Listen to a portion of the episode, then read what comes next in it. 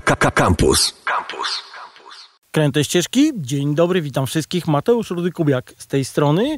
E, a dzisiaj porozmawiamy sobie z Mateuszem Mejzą, e, samych Mateuszów e, ostatnio goszczę, który jest autorem blogu Opowiem Ci po drodze. Dzień dobry, witam. Cześć, dzień dobry. Słuchaj, mieliśmy porozmawiać sobie o dziwnych krajach, całkiem nam bliskich, a to nagle się okazało, że ty pojechałeś całkiem daleko. I porozmawiamy sobie o krajach całkiem zamorskich, żeby nie powiedzieć zaoceanicznych. Tak, konkretnie o Meksyku, do którego pojechałem na, można powiedzieć, podróż sylwestrową. No właśnie, ale jesteśmy w czasach pandemii i jak to? Meksyk y, wpuszcza bez problemu? Jak to wygląda? Tak, Meksyk wpuszcza bez problemu. Nawet ostatnio kilka artykułów czytałem, że wśród polskich turystów e, zarówno Meksyk i takim drugim kierunkiem e, pozaeuropejskim jest Zanzibar, gdzie, no, no Zanzibar gdzie polscy turyści teraz latają. Także Meksyk jest e, ciągle otwarty. Z tego co wiem, to od czasu, kiedy wróciłem, nic się nie zmieniło, więc wciąż można tam jeździć. Okej. Okay. No dobra, ale opowiadałeś, że tutaj tradycję taką miałeś, że jeździsz zawsze na Sylwestra. Każdego Sylwestra gdzieś musisz wyjechać? Yy, tak, ta tradycja zaczęła się myślę z 5 lat temu z moim dobrym przyjacielem. E, nasz pierwszy zagraniczny Sylwester to był Lwów. Potem był Kijów, Budapeszt, e, Grodno w ubiegłym roku. E, Czasami udaje nam się zebrać trochę większą ekipę, czasami mniejszą. E, w tym roku wybraliśmy kierunek trochę dalszy. Ta podróż była zaplanowana już w wakacje, także tak cały czas siedzieliśmy jak na szpilkach, czy COVID nam nie pokrzyżuje tych planów, ale na szczęście się udało. I poleciliśmy tam w trzy osoby. Na miejscu jeszcze podróżowała ze mną e, koleżanka Meksykanka, którą poznałem e, zresztą w Warszawie kilka lat temu. O, no to dobry, dobry miks w takim razie. No dobrze, to jak się, jak się leci do Meksyku z Warszawy? Takich kilka praktycznych informacji. Jak, jak szukać, którędy lecieć?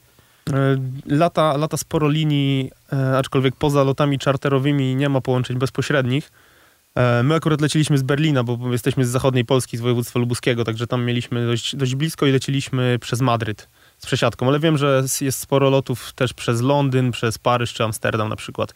Czyli e, podsumowując, z Polski nie ma, trzeba kombinować, tak, przesiadamy tak, się, tak? Tak, tak, Jedyne co z takich praktycznych tipów mogę powiedzieć, żeby nie kupować biletów e, aktualnie przez Stany Zjednoczone, bo Stany są zamknięte, nawet jeśli to jest tylko przesiadka, to no, możemy mieć problem. To będzie dwutygodniowa przesiadka. Coś takiego. No dobrze, czyli lecimy przez kraje e, hiszpańskojęzyczne albo przez Londyn, tak? tak, tak taki Na mamy przykład. patent. No dobra, i dokąd polecieliście? My polecieliśmy e, trochę inaczej niż, niż większość, myślę, osób z Polski lata, bo większość osób jednak leci prosto e, na Yucatan, czyli to najbardziej turystyczne miejsce, półwysep, do Cancun czy do Tulum. My poleciliśmy do stolicy, do miasta Meksyk. I tą podróż naszą rozłożyliśmy sobie właśnie tak częściowo. Pierwsza część e, to był Meksyk centralny, czyli właśnie miasto Meksyk, potem Acapulco i Puebla, a druga część to był Yucatan, no i wszystkie atrakcje, które są tam na miejscu.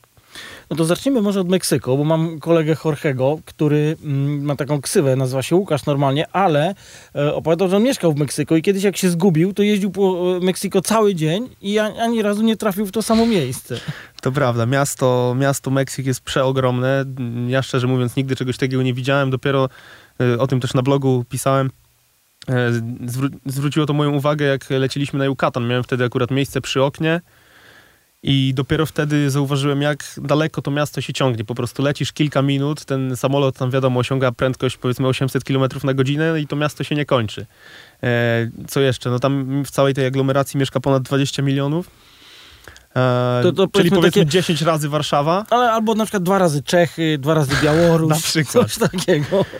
E, ale na co jeszcze warto zwrócić uwagę, to zabudowa w mieście Meksyk. Tam, mm, jeśli chodzi o wysokie budynki, no to, to, to są tylko jakieś tam biurowce w centrum, których jest niewiele, a jeśli chodzi o budynki mieszkalne, no to to są zazwyczaj jakieś e, dwu, trzypiętrowe budynki. I one, rozumiem, rozciągają to miasto tak, na maksa, Tak, tak, tak, oczywiście. No, miasto rozciąga się praktycznie na całą y, Dolinę Meksyku. To nieźle. Mi się to przypomina, jak wyjeżdżałem stopem ze Stambułu, to tak myślałem, że już o górka, o to koniec i jeszcze jedno osiedle i tak się wyjeżdżało stopem i się wyjeżdżało. No dobrze, to słów kilka o Meksyku, które może niektórzy znają z różnych filmów, bo tam się czasami kręcą filmy, ale w samym centrum. E, a co ty powiesz ciekawego o tym mieście? Poza tym, że jest wielkie oczywiście. E miasto samo w sobie jest, y, myślę, fascynujące. Niestety przez lockdown, który był tam wprowadzony akurat właśnie w mieście Meksyk, w tym y, dystrykcie federalnym, E, wszystko było pozamykane, także Także knajpy wam odpadły. trochę knajpy nie aż tak, ponieważ w Meksyku, pewnie o tym potem jeszcze pogadamy, jest bardzo bogata ta kultura street foodu, także było gdzie jeść, na to nie, nie, może, nie mogę narzekać. W każdym razie Meksyk ma bardzo ciekawe muzea, na przykład Muzeum Antropologiczne, które jest takie jedno, jednym z najbardziej znanych na świecie. Oprócz tego Jako E. antropolog kultury potwierdzam. Każdy chce tam trafić. No. Dokładnie, dokładnie tak. Oprócz tego muzea takich artystów jak na przykład e, Frida Kahlo czy Diego Rive- Rivera. E, Dla mnie też jako osoby, która interesuje się wschodem, interesuje się Rosją, e, był taki jeden punkt, który bardzo chciałem odwiedzić, to był dom Muzeum e, Lwa Trockiego, czyli jednego z większych wrogów Stalina, który ostatnie lata życia spędził w mieście Meksyk i tam też został zamordowany w taki dość spektakularny sposób, e, uderzony czekanem w tył głowy. No właśnie, także trzeba uważać. Czy mówiłeś o Trockim i o, o miejscu, gdzie zginął? Jak wygląda to muzeum Trockiego? Tak, no niestety udało nam się zobaczyć je tylko, tylko z zewnątrz. E, to jest po prostu dom, w którym on mieszkał. E, ciekawa historia z nim związana jest taka, że on do Meksyku trafił e, poprzez zabiegi dyplomatyczne właśnie Fridy Kahlo i Diego Rivery, czyli pary, myślę, najbardziej znanych artystów meksykańskich na pewno tamtych czasów, jeśli nie w ogóle, e, którzy również byli zwolennikami komunizmu. I zaprosili Trockiego, udało się to zrealizować. On najpierw mieszkał w ich domu, w domu Fridy Kahlo kon- konkretnie. E, Po jakimś czasie się- z, domu, z tego domu wyniósł. Niektórzy twierdzą, że przez e, jakiś tam konflikt światopoglądowy z Riverą, a niektórzy twierdzą, że po romansie z Fridą Kahlo. Różne teorie na ten temat są snute. I co dalej? Z nim, poza tym, że dostał czekanem w głowę.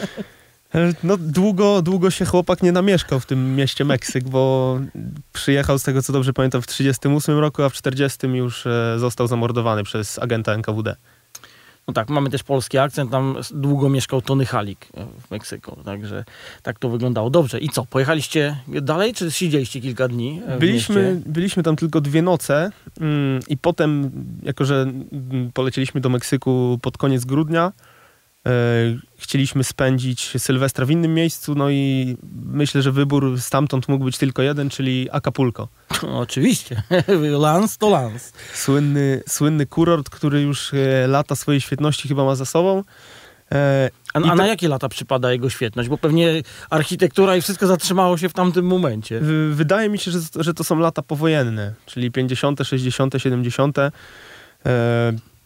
wtedy no, wszystkie gwiazdy światowego, światowego kina chociażby spędzały tam wakacje, czy muzyki, no chociażby mm, chyba najbardziej znana piosenka, e, nie pamiętam teraz nazwy e, włoskiego zespołu. Ale właśnie Acapulco, Acapulco, Acapulco. puścicie sobie, to będziecie Tak, wiedzieli o co tak. chodzi. To, to są jakieś 70 lata i to już chyba powoli taki e, op opad e, popularności. Tak, i w, był. i w sumie jadąc tam trochę się tego obawiałem, że, że Acapulco to będzie taki przereklamowany kurort, znany właśnie między innymi z piosenki i nic więcej, ale byłem bardzo pozytywnie zaskoczony, bo miasto jest przepięknie położone w małej zatoce Acapulco Bay.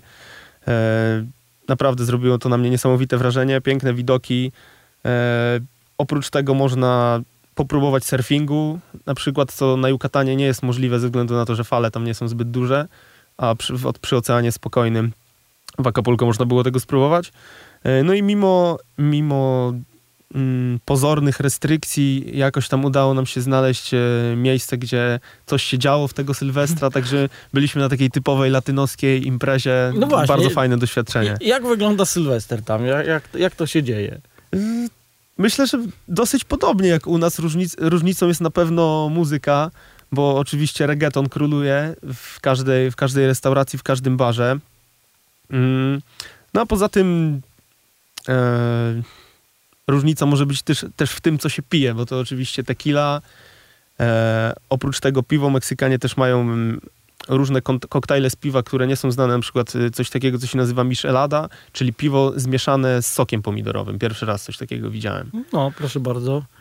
E, Słuchajcie, ja tutaj chciałem tylko zaznaczyć, że e, ta audycja e, nie popiera picia alkoholu, bo to zajęcie dla degeneratów, ale jest to pewna tradycja, którą należy uszanować w kraju, do którego się przyjedzie. Ja oczywiście mówię tylko o degustacji. Oczywiście. No i co? I, I oni mają zawsze ten swój latynoski tryb melanżu. Ja się trochę tego obawiam. Jak to wyglądało? Melanż po prostu do oporu, do, do, do dzikiego rana, czy, czy jakieś restrykcje? My akurat ten, ten melanż zaczęliśmy trochę wcześniej, więc już parę godzin po północy byliśmy lekko zmęczeni. Musieliśmy się poratować e, solidną porcją e, tacosów po, po, tej imprezie w knajpie. E, Ale tak, tak, Meksykanie potrafią się bawić, czują, czują tę sw- tę swoją muzykę. Tak to wygląda.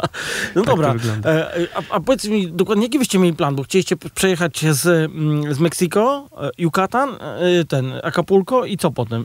Po, po Acapulco, po dwóch dniach spędzonych tam, mm, pojechaliśmy, do, przepraszam, do Puebli. To jest e, miasto, e, nie pamiętam czy drugie, nie, drugie chyba nie, ale trzecie lub czwarte, jeśli chodzi o wielkość w Meksyku. Ono jest położone jakieś dwie godziny jazdy samochodem ze stolicy. E, No i tam niestety też nas e, COVID trochę pokonał, bo wszystko było pozamykane. Tam byliśmy tylko jedną noc, także wystarczająco, żeby zrobić sobie taki spacer po centrum, trochę gdzieś tam murali pooglądać Mm, i potem wróciliśmy do miasta Meksyk już bezpośrednio na wylot do, na Yucatan.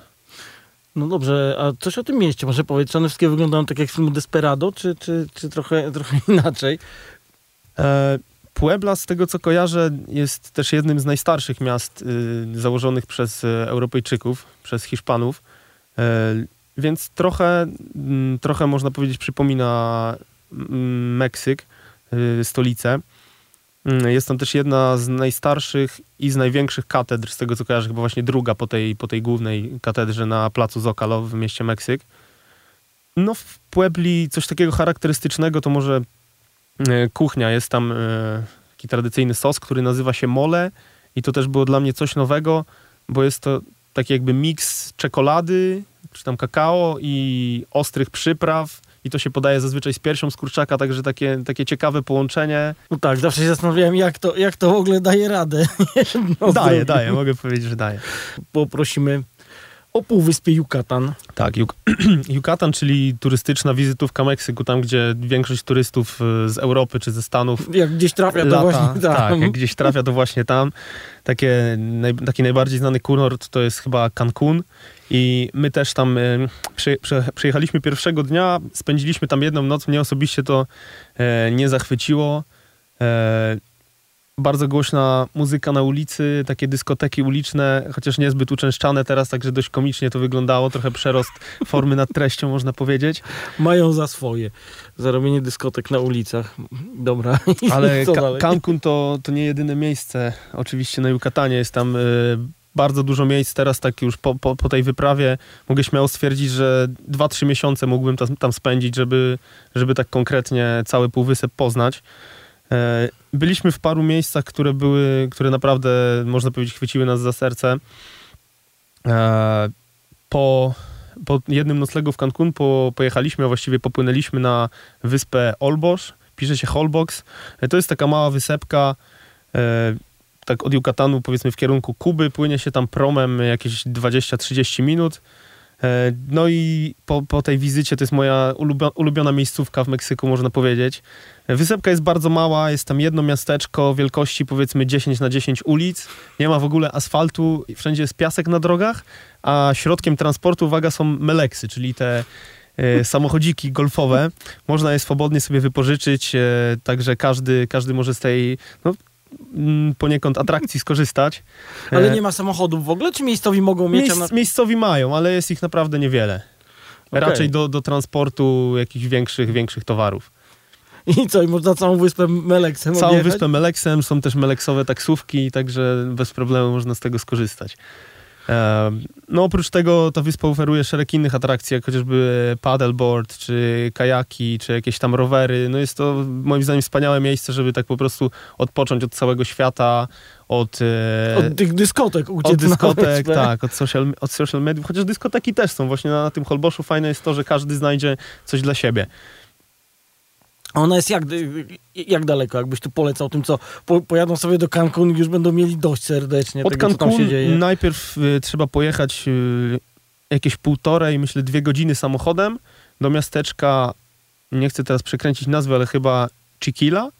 Tam można zostawić samochód na parkingu i, i popłynąć promem. Można popłynąć sobie na jeden dzień, bo te promy kursują praktycznie co godzinę, a można tam zostać na dłużej, co bardzo polecam.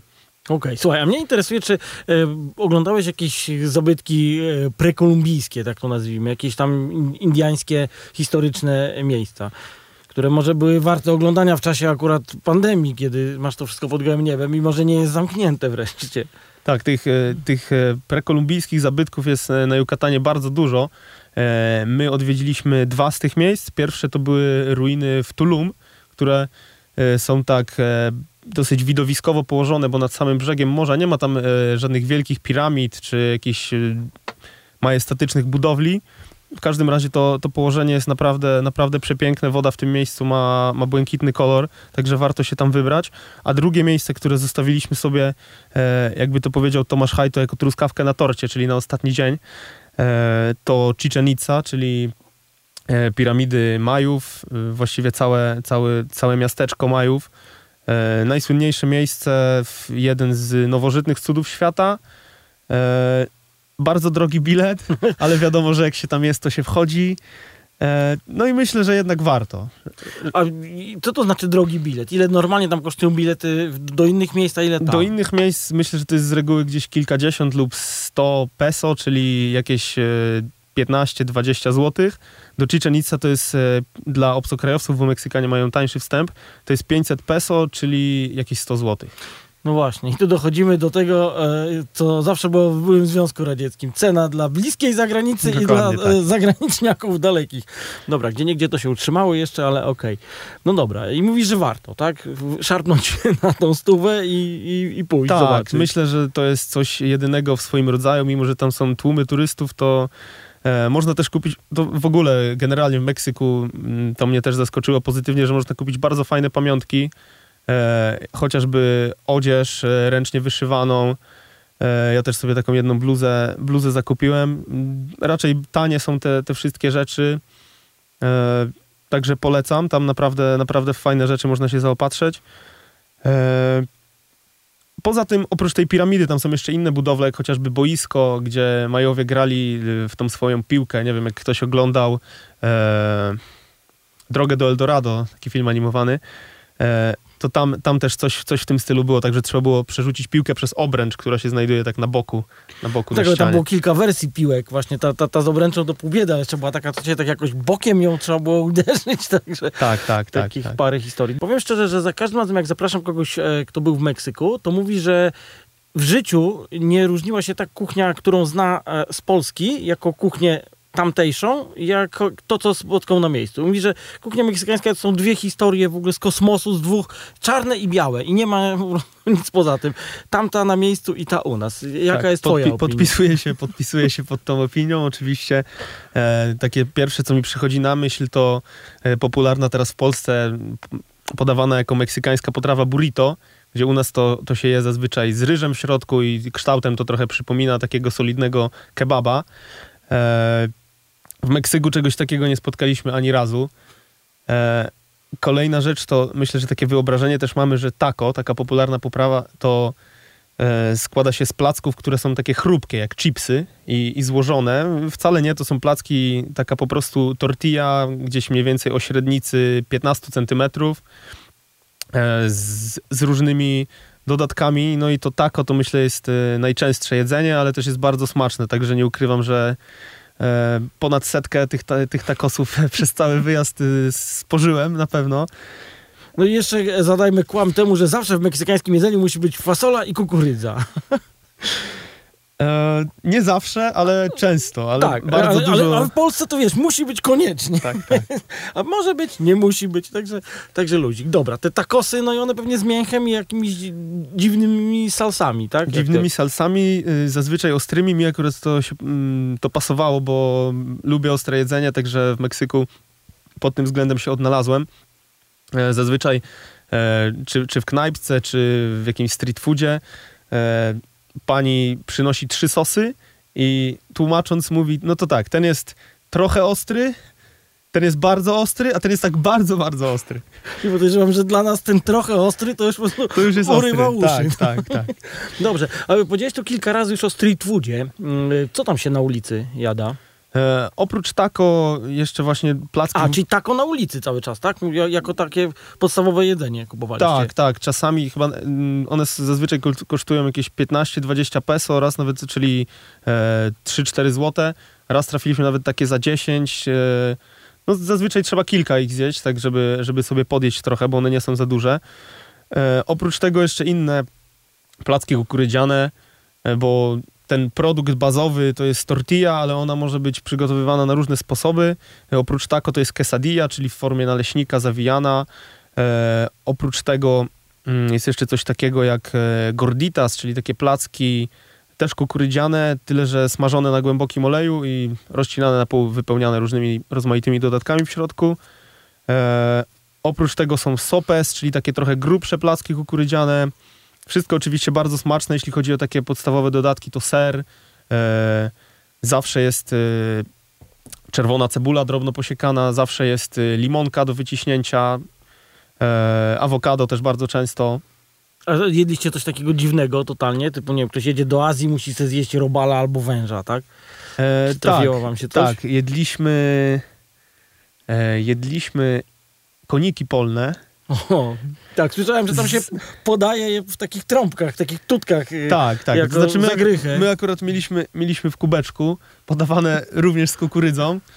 E, no i myślałem, że będzie coś, to coś bardziej... E, mm, Bardziej dziwnego. bardziej dziwnego, a poza tym, że dziwnie wyglądało, to, to nic, nic takiego strasznego nie było. Smakowało trochę jak, e, jak chipsy po prostu, jak jakieś chrupki. Właśnie tak miałem powiedzieć, że człowiek się dziwi, a potem tak to wchodzi zupełnie, zupełnie normalnie. E, No dobrze. Mm, e, I e, mówi- mówiliśmy o jedzeniu.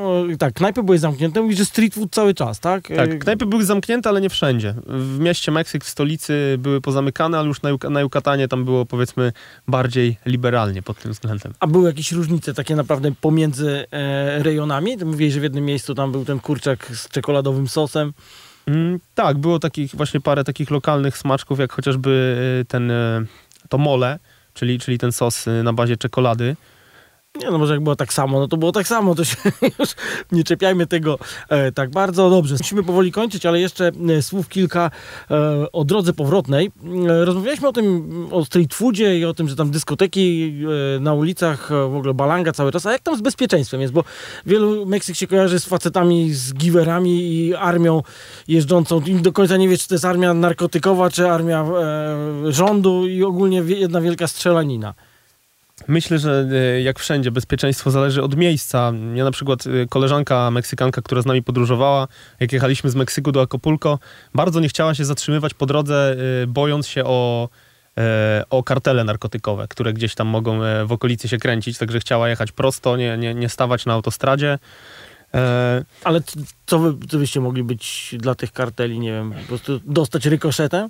Nie mam, nie mam pojęcia, była, była Ale przestraszona lepiej, pod tym lepiej nie względem. zatrzymywać. W Tak? każdym razie e, miałem e, też e, sam taką sytuację właśnie w, w Puebli. E, moja, moja ekipa jeszcze spała w hotelu, ja wstałem wcześniej, jeszcze trochę powiedzmy zjetlagowany, także się wcześnie, wcześnie budziłem. No I uznałem, że nie będę ich budzić, pójdę sobie na spacer po mieście. Strzeliłem sobie jakąś kawkę z rana. E, No i szukałem na, na Google Mapsie jakiegoś ciekawego miejsca. Znalazłem murale, które były z kilometr oddalone od centrum. No i uznałem, że się tam przejdę, porobię parę zdjęć. E, No i wszystko zapowiadało się bardzo fajnie. Mm, Naprawdę ciekawe murale, dużo z nich też nawiązujących do kultury, tradycji meksykańskich.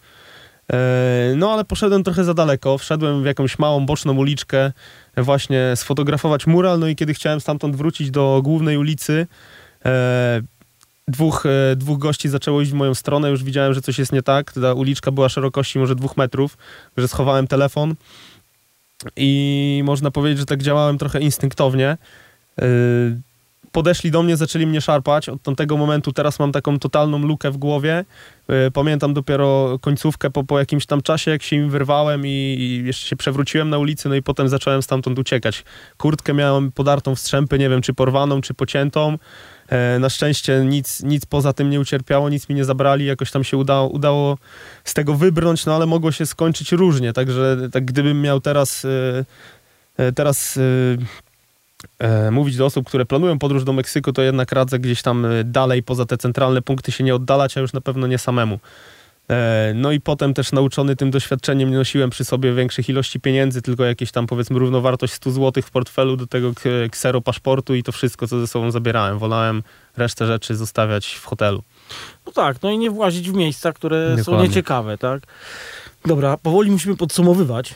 Także powiedz, ile czasu tam, tam byłeś i yy, czy przez ten czas się da wszystko zobaczyć? Ile czasu byś pojechał następnym razem? Nie da się zawsze- zobaczyć następnym razem. e, Chciałbym polecieć do Meksyku, nie kupując biletu powrotnego, także żeby po prostu trochę, trochę czasu tam spędzić, trochę pożyć. A ile byłeś? Byliśmy dwa tygodnie, bo kraj jest naprawdę fascynujący i pod względem kuchni, i pod względem kultury, i pod względem widoków, przyrody, także naprawdę warto być tam trochę dłużej. No dobrze, a teraz mówiliśmy na początku o twoim blogu. Pytanie, czy ty masz tam zdjęcia e, z Meksyku? Tak, mam zdjęcia z Meksyku i kilka wpisów e, na moim Facebooku. Opowiem Ci po drodze. E, Parę zdjęć też mam na Instagramie pod taką samą nazwą. E, Tam też na bieżąco różne materiały wrzucam, także serdecznie zapraszam na Opowiem Ci po drodze. Opowiem ci po drodze. Dobra, czyli co? Na koniec podsumowanie. Chyba warto jechać do Meksyku, to? Zdecydowanie, zdecydowanie polecam. Jak e, męczy, męczy Was e, ten lockdown, chcecie się gdzieś wyrwać, to myślę, że Meksyk. Wiadomo, że podróże w czasie COVID-u są trochę ryzykowne, bo różnie może być z powrotem, ale no Meksyk jest jed- jednym z krajów, które są wciąż otwarte, także myślę, że warto. No tak, ale jak się wyjedzie, to lepiej nie móc wrócić z Meksyku niż z jakichś zimnych krajów. Oczywiście. No, ten przykład. Dobrze, dziękuję e, w takim razie. Mm, e, Gościem był Mateusz, e, a prowadził drugi Mateusz. Dziękuję. Dzięki wielkie. Do usłyszenia. To były Kręte Ścieżki i w następną sobotę słyszymy się o 11. Słuchaj Radio Campus, gdziekolwiek jesteś. Wejdź na www.radiocampus.fm.